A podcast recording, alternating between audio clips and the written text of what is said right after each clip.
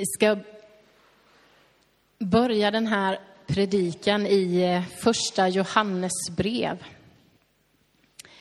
Det är ju ett brev som är skrivet av Johannes som var lärjunge till Jesus. Eh, han hade själv sett och hört. Eh, men nu börjar han bli en gammal man och han eh, skriver för att styrka de kristna i sin tro.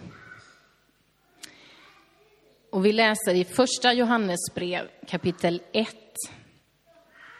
och vers 5. Och detta är det budskap som vi har hört av honom och förkunnar för er. Att Gud är ljus och att inget mörker finns i honom. Att Gud är ljus och inget mörker finns i honom.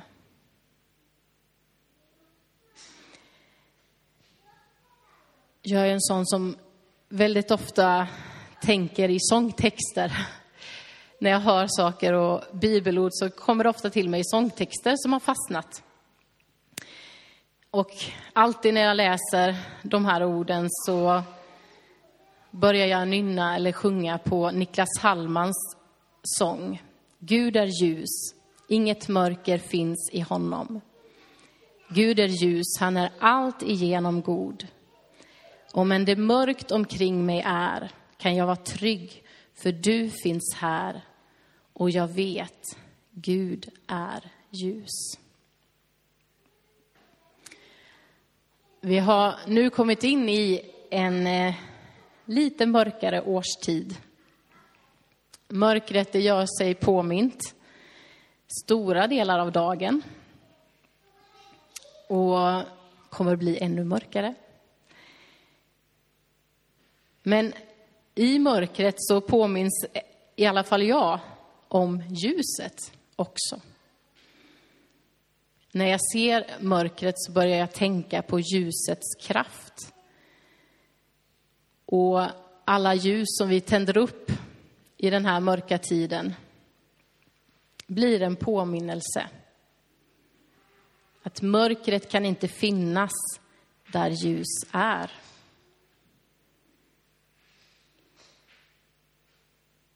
Vi läser bibelordet en gång till. Och detta är det budskap som vi har hört av honom och förkunnar för er. Att Gud är ljus och inget mörker finns i honom. Ljuset innebär ett hopp när det är jobbigt och man bara ser det svarta. Att Gud är ljus betyder att det finns möjligheter, en väg att gå. Ljuset ger trygghet. Det står för värme, glädje och liv. Ljuset gör också att man ser saker. Både det som är bra och det som är dåligt. I ljuset kan ingenting döljas.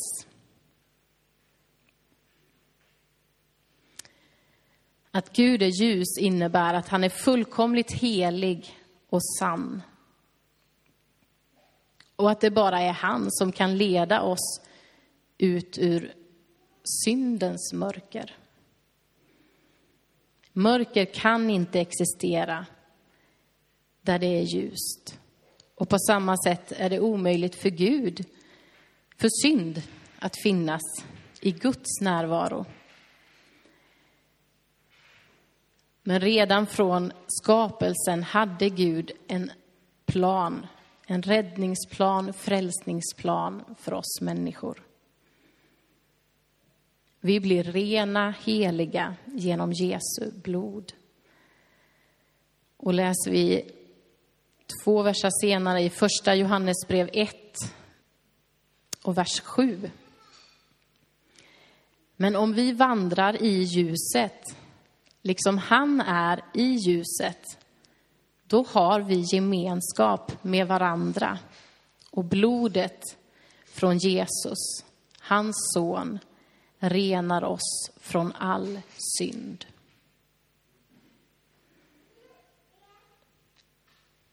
Det är verkligen en styrka. Gud är ljus.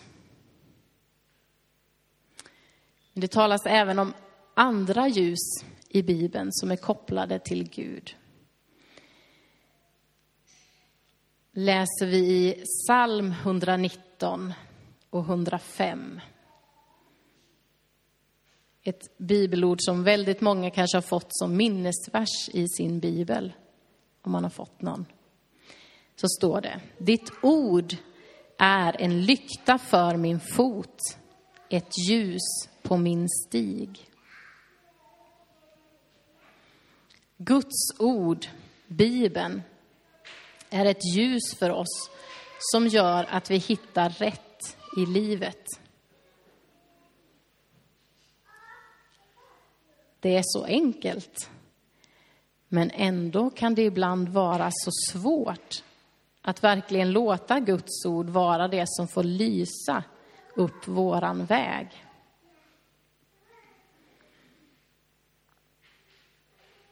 Jag tycker det här är en fin bild av hur vi får vara beroende av Guds ledning hela tiden. Han tänder liksom inte upp en strålkastare framför oss som gör att vi bara kan springa.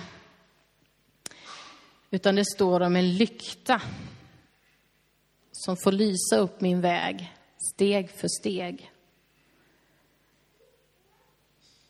Det lyser där jag behöver att det ska lysa för att jag ska kunna sätta ner min fot.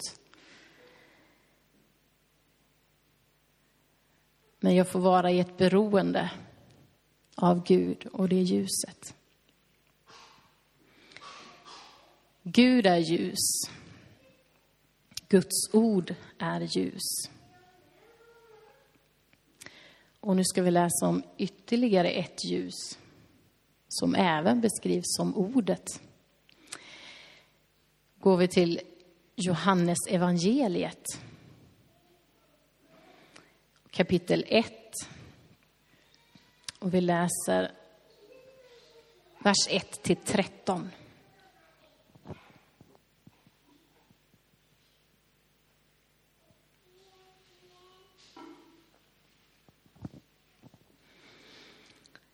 I begynnelsen fanns ordet och ordet fanns hos Gud och ordet var Gud. Det fanns i begynnelsen hos Gud. Allt blev till genom det och utan det blev ingenting till av allt som finns till. Ordet var liv och livet var människornas ljus. Och ljuset lyser i mörkret och mörkret har inte övervunnit det. Det kom en man som var sänd av Gud. Hans namn var Johannes. Han kom som ett vittne för att vittna om ljuset så att alla skulle komma till tro genom honom. Själv var han inte ljuset, men han skulle vittna om ljuset. Det sanna ljuset som ger alla människor ljus skulle komma in i världen. Han var i världen och världen hade blivit till genom honom, men världen kände honom inte. Han kom till det som var hans egna, han kom till det som var hans och hans egna tog inte emot honom. Men åt dem som tog emot honom gav han rätten att bli Guds barn.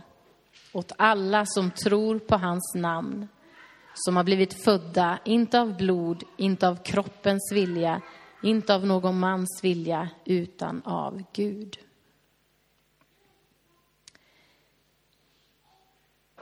Det är ju såklart Jesus som Johannes pratar om här. Och lite senare i Johannes evangeliet i kapitel 8 berättar han om när Jesus själv säger de här orden. Johannes 8 och 12.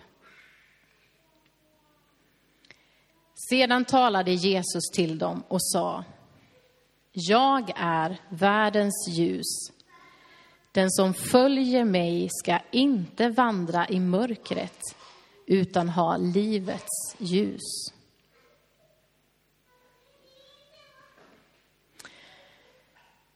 Jesus, han sa ju väldigt mycket. Och med en del saker är det som att han väntar in rätt tillfälle och säga det också. Det här om att han är världens ljus säger Jesus precis när lövhyddohögtiden är över. Lövhyddohögtiden det var ju och är den högtid som judarna firar för att påminna sig om ökenvandringen och hur Gud var god och vad han gjorde för att välsigna dem under den. Hur Gud var med och ledde. Och ett av de sätten som Gud ledde folket genom ökenvandringen var ju att han lät en molnstod om dagen visa vägen och om natten en eldstod. Israel bröt upp, drog fram, gjorde halt och slog läger vid det tecken som utgick ifrån molnstoden på dagen och eldstoden på natten. När judarna nu blivit påminda om det här kliver Jesus fram och säger Jag är världens ljus. Den som följer mig ska inte vandra i mörker utan ha livets ljus. Vi ska läsa några kapitel tidigare också i Johannes evangeliet. Kapitel 3, vers 16 till 21.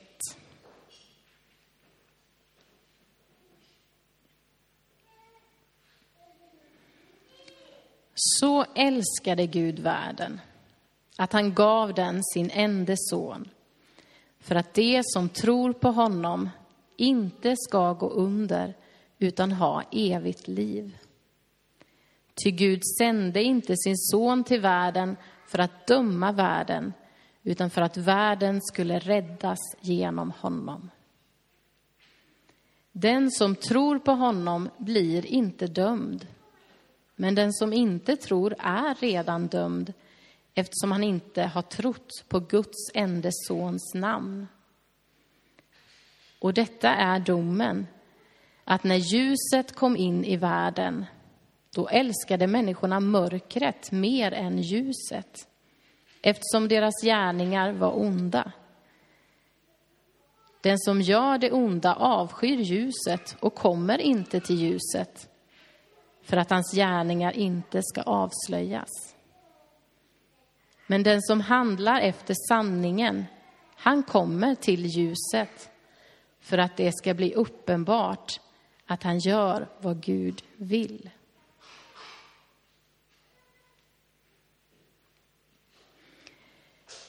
Gud är ljus. Guds ord är ljus.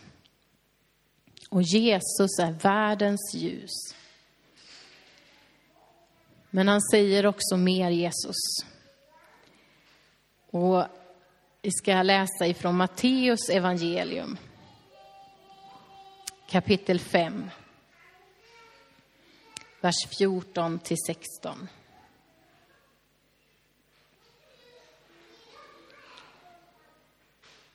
Ni är världens ljus.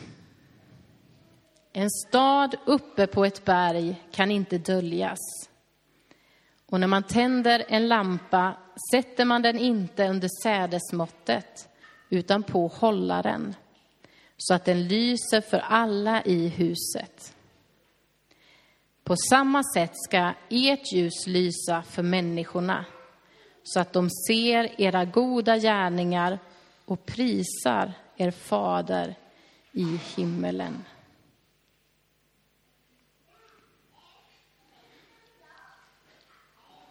Och vi ska även läsa från Efesebrevet kapitel 5, vers 8 till 11.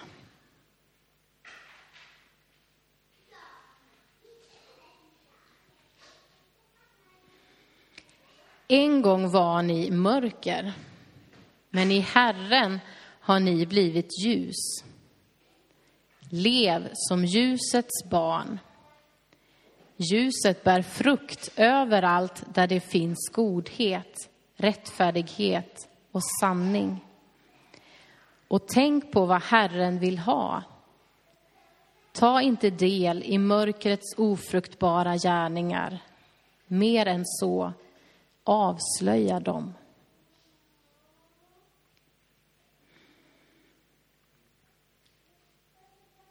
Paulus uppmanar oss att avslöja mörkrets ofruktbara gärningar.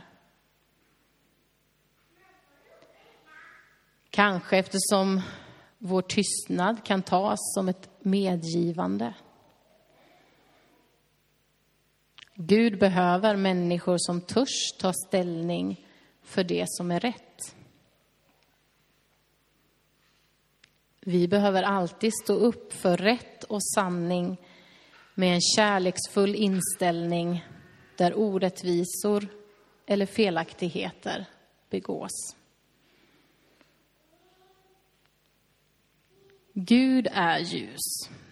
Guds ord är ljus. Jesus är världens ljus och vi är världens ljus. Låt oss påminnas om det här i den här mörka årstiden. När vi i adventstid nu tänder upp ljusen för att lysa upp i tillvaron. Att Gud är ljus. Guds ord är ljus. Jesus är världens ljus. Och vi är världens ljus. I mörkret får vi vara ljus som lyser. För den som inte har hittat fram till Jesus får du och jag vara ljus som lyser.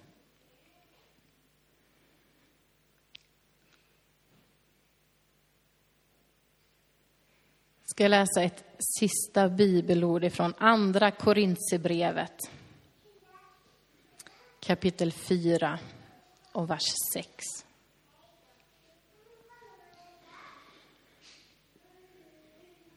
Ty Gud som sa, ljus ska lysa upp ur mörkret, har lyst upp mitt hjärta för att kunskapen om Guds härlighet som strålar från Kristi ansikte ska sprida sitt ljus.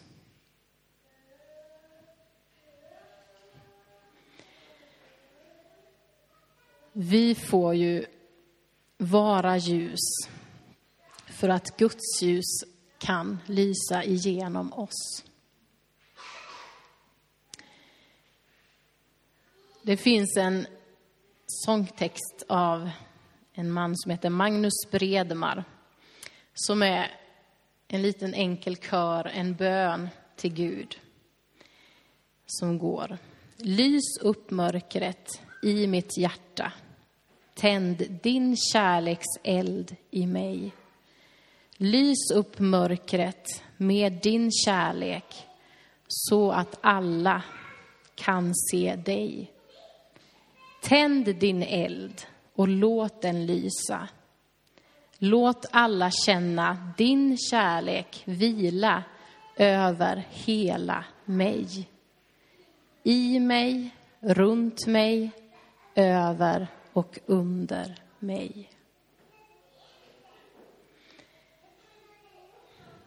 Det här handlar om överlåtelse. Och det är någonting som jag tror att vi behöver göra gång på gång. överlåta oss själva till Gud på nytt och säga Låt din vilja ske i mitt liv. Inte min vilja, Gud, utan din vilja.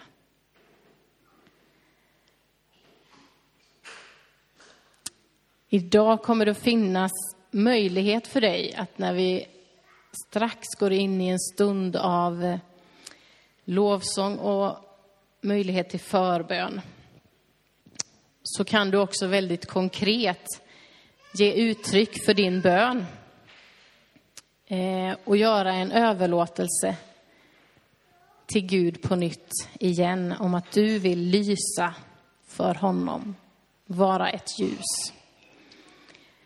Vi har en skål med värmeljus här framme och ett litet större ljus. Ehm, och du kan få komma fram hit och tända ett ljus och på det sättet be med i den här bönen. Gud, lys upp mörkret i mitt hjärta. Tänd din kärlekseld i mig. Lys upp mörkret med din kärlek så att alla kan se dig. Tänd din eld och låt den lysa. Låt alla känna din kärlek vila över hela mig. I mig, runt mig, över och under mig.